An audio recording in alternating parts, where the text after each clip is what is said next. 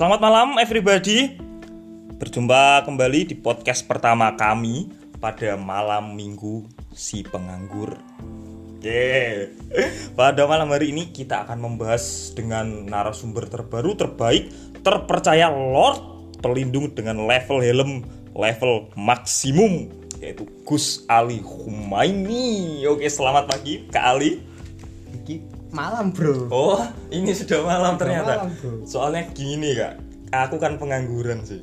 Kamu tahu sendiri kan. berarti kita sama deh Di kamar itu tidak pernah dirasakan antara siang dan malam. Soalnya sama-sama gelap kak. memang seperti itu fenomena pengangguran cepat sekali berkembangnya dan cepat sekali hilangnya Kok bisa cepat hilang itu loh? Emang apa serapan kerja di Indonesia itu sudah meningkat kok kak? Kok pengangguran bisa cepat hilang? karena gini pengangguran itu banyak sudut pandangnya ya pertama untuk kelas pelajar lah misalnya pelajar secara profesi di KTP mereka tidak pengangguran tapi pelajar gitu. tapi karena nggak ngapa-ngapain ya jadi pengangguran Loh, loh. gitu Berarti nganu kak? Pelajar itu sudah termasuk pekerjaan. Kalau di KTP itu ya. iya kata kerja memang kata kerja. Jadi sebenarnya Indonesia itu tidak punya angka pengangguran. kalau berdasarkan data yang ada di KTP seperti itu tidak ada semua di KTP tertulis wira swasta wirausaha mahasiswa pelajar tapi kenyataannya banyak yang nggak ngapa-ngapain Nah, nah ini ini kak ini ya. Banyak yang tidak ngapa-ngapain. ya Kalau kita bayang-bayangkan ya kak, tidur pun adalah sebuah aktivitas. kata kerja ya Iya kan. Benar. Kita rebahan aktivitas. Membuang hajat pun aktivitas. Bahkan melamun itu sebuah aktivitas ya kak. aktivitas Tapi kok kenapa bisa dikatakan menganggur?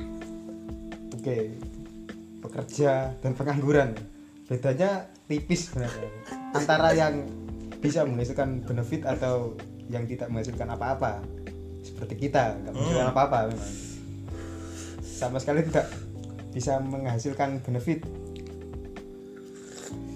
Benefit itu keuntungan yang menghasilkan uang ya kak. ya Hmm. Jadi mungkin saya bisa menyimpulkan seperti ini. Kalau orang yang tidak menganggur hmm, itu adalah orang yang menghasilkan uang. secara itu. secara apa itu sudut pandang tetangga ya Waduh, apa ini? Kenapa anda membawa tetangga kak? Iya kemarin kan ada cerita lucu yang orang digerebek gara-gara dikira punya babi ngepet. Oh iya, babi ngepet itu tahu Gara-gara tahu tahu. Dia punya uang tapi tidak pernah bekerja. Tidak pernah bekerja tapi punya uang. Lah apa gitu loh? So, tujuannya apa menuduh orang punya babi ngepet gara-gara tidak pernah melihat bekerja? Ya kan sekarang lapangan pekerjaan kan banyak. gitu Iya loh. betul kak. Nggak. Udah mulai nganu menaiki nih lapangan pekerjaan. Tidak harus konvensional seperti kerja di pabrik atau Iya. pegawai.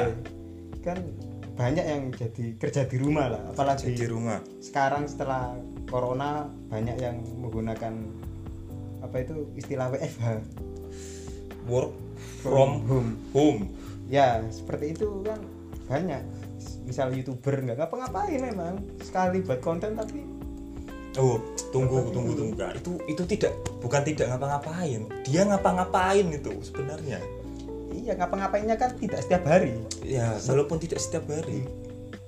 Tapi setidaknya dia itu membalas komentar netizen kak. ya sama ketika kita balas chat WA itu sama yang ngapa-ngapain itu bedanya kita dibayar atau tidak gitu aja sih Oke, oke, oke.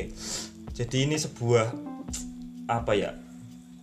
Patokan baru ya, Kak? Iya. Patokan pada podcast kita pada malam hari ini bahwa orang yang tidak menganggur sebenarnya itu adalah orang menganggur yang menghasilkan uang. bisa bisa bisa bisa Bisa itu ya, Kak. Lalu kita menuju ke tahap selanjutnya, apakah kita menganggur? secara sudut pandang profesi iya kita pengangguran memang. Harus diakui. Itu secara sudut pandang profesi. Tapi secara sudut pandang finansial walaupun kita hanya punya uang 5000 1000 rupiah itu Iya. kita sudah berpenghasilan ya iya. Berarti sebenarnya kita sudah bisa menapok. Wah bahasanya kasar sekali. Membalas omongan tetangga bahwa kita menghasilkan uang. Benar seperti itu? Benar. Meskipun nominalnya masih rata-rata segitu ya. Tapi bener-bener nggak fenomena pengangguran itu yang dinamakan pengangguran itu sangat booming sekali. Kayak gini gini gini. Saya itu kesehariannya kan bangun bangun apa ya? Bukan bangun pagi itu belum tidur itu tidur pagi. Menunggu matahari terbit itu sebuah hobi. Ya. Iya kan? Setelah itu tidur. Sampai matahari membangunkan lagi. Menunggu senja ya kan? Kita juga menunggu matahari hilang. Kok apa yo kehidupan saya hanya seperti itu kak. Itu ada solusi nggak mungkin juga buat teman-teman yang merasakan hal yang sama gitu kan? Skripsi tidak di ACC dosen dosen lama di chat atau apa padahal dia senang-senang di luar sana posting-posting hal bahagia iya kan nggak? Bisa gitu tinggal kita bagaimana menikmati hidup saja soalnya kita pengangguran banyak yang orang itu bekerja pagi sore tapi mereka jenuh bayangkan mereka kerja saja jenuh apalagi nganggur Wah, ini ini berarti ada sesuatu hal yang spesial dari pengangguran menurut anda ini ya. wah tantangannya berat sekali Berat. memang. tantangannya sangat berat untuk menjadi pengangguran itu harus kebal dengan segala macam omongan makian ucapan as harus kebal memang. Oke lah mereka bekerja pagi sore sambat ngeluh dan lain-lain. Oke kalian sambat gara-gara kerja. Lah kita nganggur mau sambat apa? Ya capek nganggur itu kan gitu. Relate sekali itu betul loh, betul loh itu. nganggurnya capek memang. Karena apa? Orang kalau tidak melakukan apa-apa itu malah bingung. bingung Malah bebannya itu lebih banyak memikirkan apa yang harus mereka lakukan. iya Tapi hanya sebatas pikiran. Nah, itu loh, itu loh, itu loh yang sekarang terjadi pada kaum kaum muda, kaum milenial seperti kita maksudnya ya. Bukan Ya. untuk kaum milenial yang otaknya berkembang, tapi kaum milenial yang seperti kita itu yang menganggur, tidak melakukan apa-apa dan hanya memikirkan hal tersebut itu kak. iya Mengambil langkah pertama pun tidak ada, tidak ada tidak tidak punya malah, belum belum punya malah belum punya sama sekali. Ini gimana ini? memang setelah diteliti oleh para ahli ya kalimat menganggur itu sangat erat kaitannya dengan kat- kata malas memang. Dan Malas. iya sebenarnya itu. Malas. Oh. kalau kerja nanti kan hubungannya dengan kata jenuh kan. Hmm, kalau nganggur ini stigmanya langsung dianggap pemalas. Padahal enggak kalau kita disuruh ada lowongan pekerjaan disuruh bantu apa berangkat. Mm-mm. kita enggak malas-malas amat gitu. Iya memang kak. tapi kenapa setiap orang pengangguran langsung dijudge bahwa kamu pemalas? Wah itu Oh. sulit itu. Sangat sulit. Sangat sulit sangat sulit sulit. Oke oke oke jadi mungkin saya berpendapat seperti ini kak. Orang yang mengatakan seseorang itu menganggur dan mengatakan pengangguran itu pemalas pemalas ya itu mereka belum merasakan menjadi pengangguran. Iya. Oke lah satu sisi kita malas oke setiap manusia punya sisi kemalasan masing-masing. Tapi kita nganggur itu soalnya nggak punya pilihan mau ngapain juga nggak punya. Ini ini ini suatu hal yang baru Kak. menganggur karena tidak punya pilihan iya memang kecuali kita di ditawari pekerjaan kita menolak itu beda lagi. Tapi Oh. sama sekali tidak ada yang menawari pekerjaan. Mencari nggak ketemu ya udah nggak punya pilihan. Ya nganggur jalan terakhir. Kan gitu. Pengangguran adalah suatu hal yang membanggakan.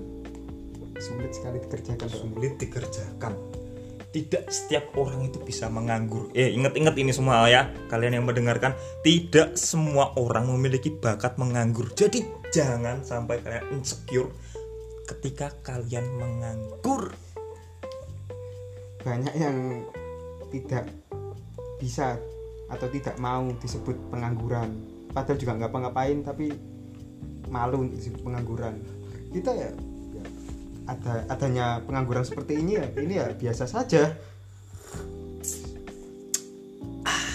Ngopi dulu kak. Iya.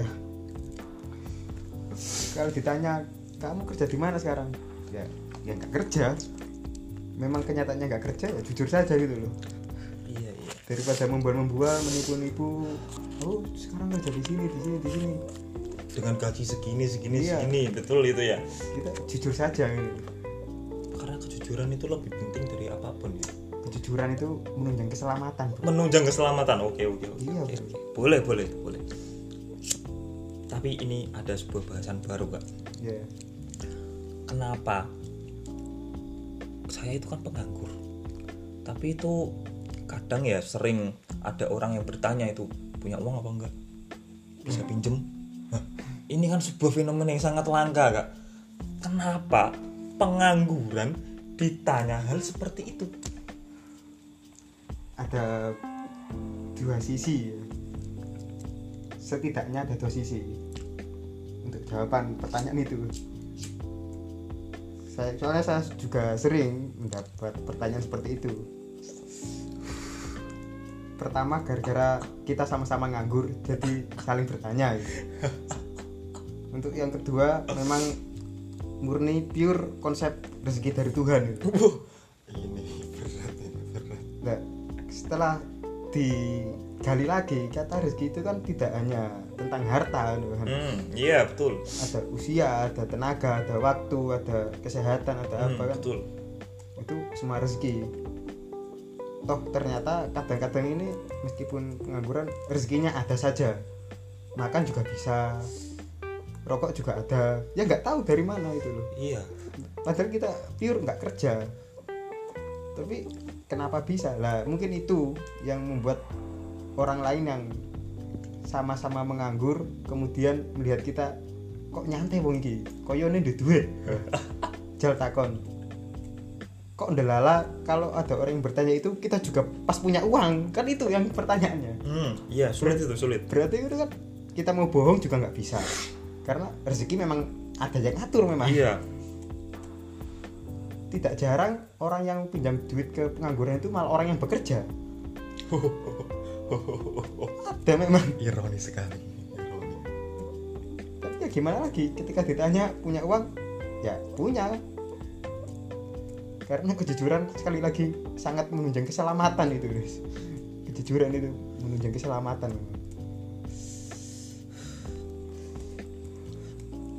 konsep kejujuran dalam menganggur ya daripada kita nipu-nipu udah kerja di mana-mana malah dia mau utang dengan nominal yang besar malah kita yang bingung kan oh ini ini Mending kita-. Jadi kita jujur dah, aku nganggur. Siapa tahu kalau kita ditanyain dengan jujur, yo aku nganggur malah ditawari pekerjaan kan itu Hmm. bisa jadi rezeki juga. Meskipun pekerjaannya tidak tetap atau serabutan itu ya disyukuri aja. Soalnya kita menganggur.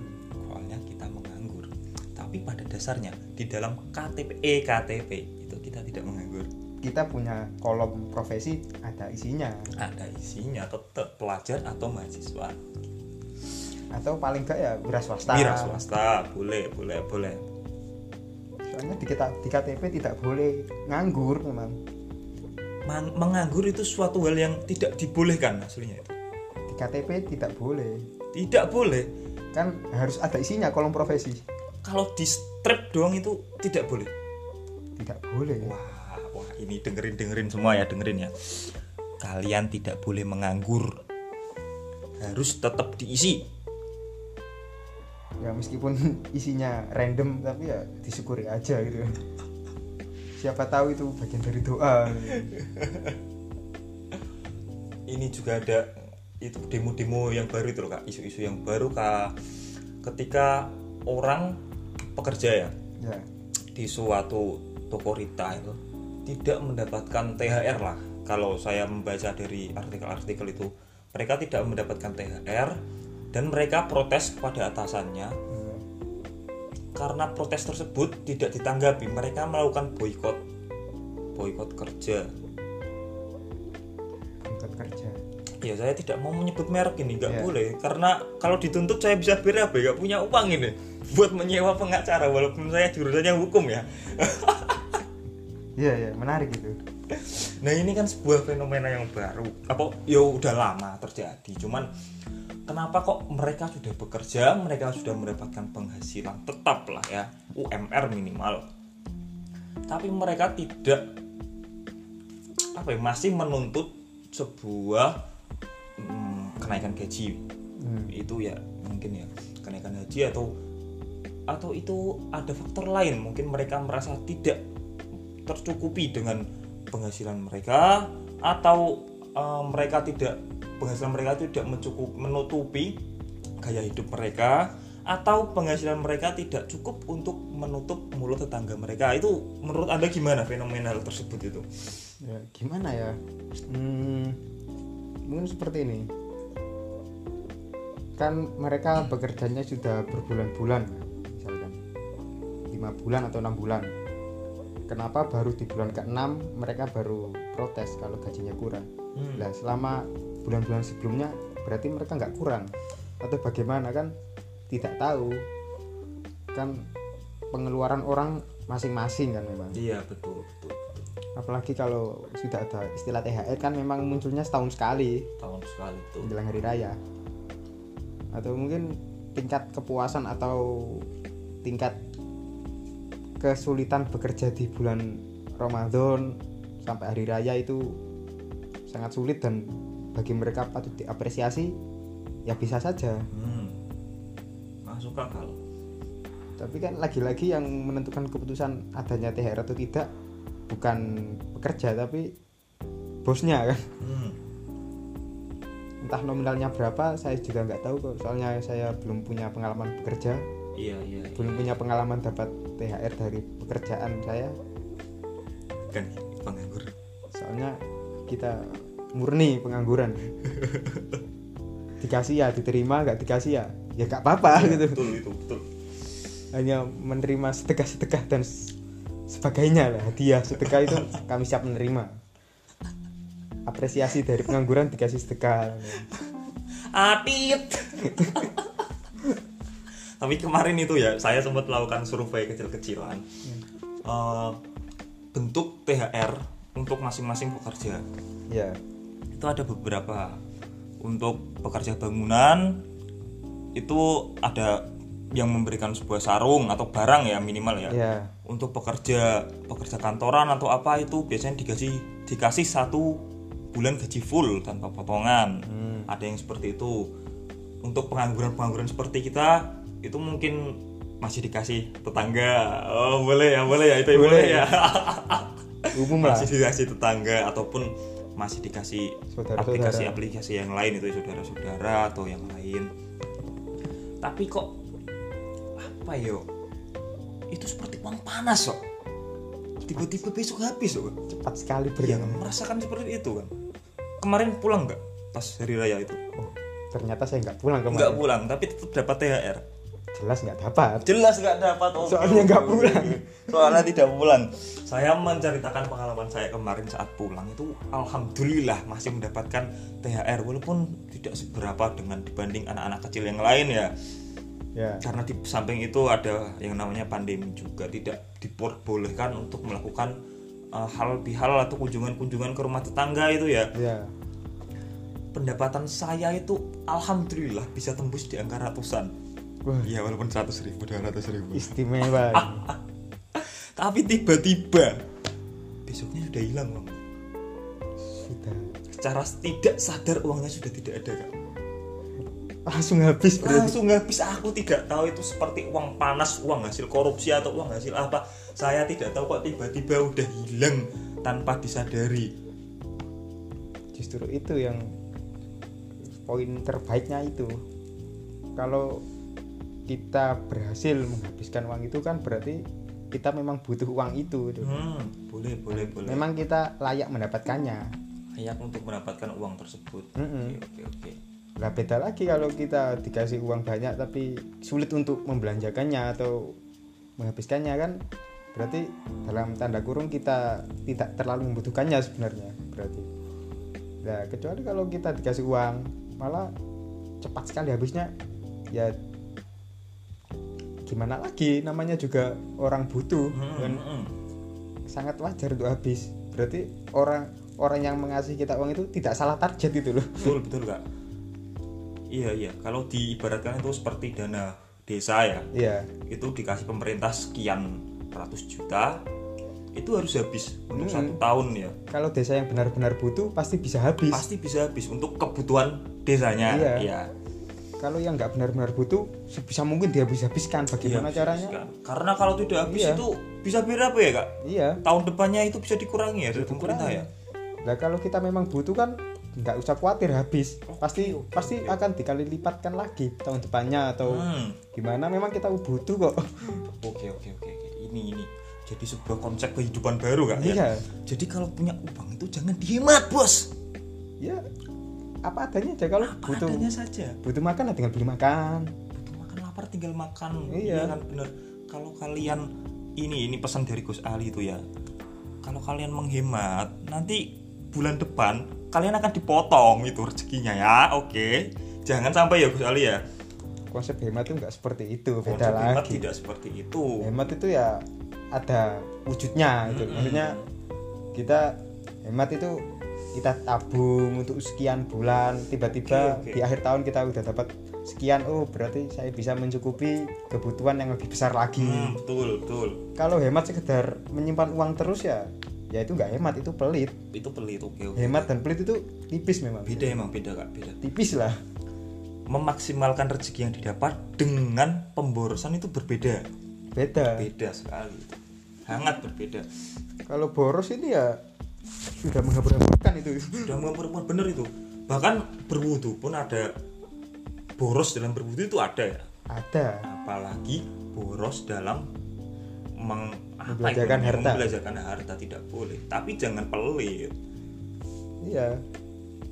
Kan untuk tidak pelit kita sodako ya sama kan? Nggak nggak pelit. Nggak pelit tuh. Malah katanya sudah kau bisa dilipat Memperlancar, gandakan. Iya, memperlancar rezeki. Menghutangi orang itu memperlancar rezeki juga memperlancar rezeki tapi jangan sering menghutangi orang kalau hutangmu tidak dikembalikan coy ya itu kan bisa jadi introspeksi diri sendiri kan gitu Hmm. Banyak sekali fenomena seperti itu kan. Om, saya pinjam uang 200 ribu lah. Bulan depan kalau gajian saya kasih lagi lah. Saya kasih uangnya. Nanti saya saya kasih tip 50 ribu lah. Karena kamu sudah membantu. Nyatanya ketika ditagih ataupun sudah jatuh tempo di bulan depannya. Itu mereka memiliki alasan yang lain atau apa sampai hutangnya pun menjadi hal yang lalu. Itu sering terjadi ya. Sering. Sering sering sering. Kaitannya dengan kesadaran diri masing-masing. Hmm. Kita yakin saja kita berani utang ya berani membayar gitu. Aja oke oke. Ya sama kita berani kredit motor ya kita berani melunasi kan gitu. Hmm. ya sama. Tapi itu enggak ada untungnya juga buat customer service kan iya. Karena mereka punya pekerjaan untuk penagih cicilan tersebut. Kalau Iya. orang-orang cicilannya lancar orang-orang apa ya selalu tepat waktu dalam hal membayar hutang itu CSCS tidak berguna. Untuk CSCS penarik ya bukan CSCS keluhan. Itu mereka tidak punya pekerjaan. Malah dia dinaikkan jabatannya siapa tahu. Konsep Tuhan itu adil seperti ini kak boleh ya? Adil sekali tuh. Boleh kita berpendapat seperti itu. Oke oke oke oke. Setiap orang punya cara masing-masing untuk apa itu meyakini keadilan Tuhan itu punya jalan masing-masing. Entah mereka pengangguran atau pekerja atau bos atau apa mereka pasti yakin Tuhan itu adil. Kalau nggak adil ya gimana Tuhan itu kan? Tuhan itu adil. Tuhan itu sudah adil dari sananya itu sudah adil ya bijaksana. Emang. Di Asmaul Husna itu sudah ada. Kok oke oke. Eh, ini karena sudah 24 menit ya kayaknya terlalu lama pendengar itu. Bualan kita itu sangat tidak enak untuk didengarkan. Kita cukupkan untuk sekian. Kita- nanti kita lanjut lagi ke part selanjutnya kita tunggu episode episode selanjutnya. Episode episode selanjutnya pasti kita akan lebih menarik coy. Entah membahas pengangguran membahas pembual-bual yang lain. Membahas keilmuan atau apa? Membahas keilmuan skripsi yang tidak selesai. Apa pun. Apa pun itu kembali lagi untuk podcast kita selanjutnya. Sampai jumpa. Wassalamualaikum waskum. Warahmatullahi wabarakatuh. Oke siap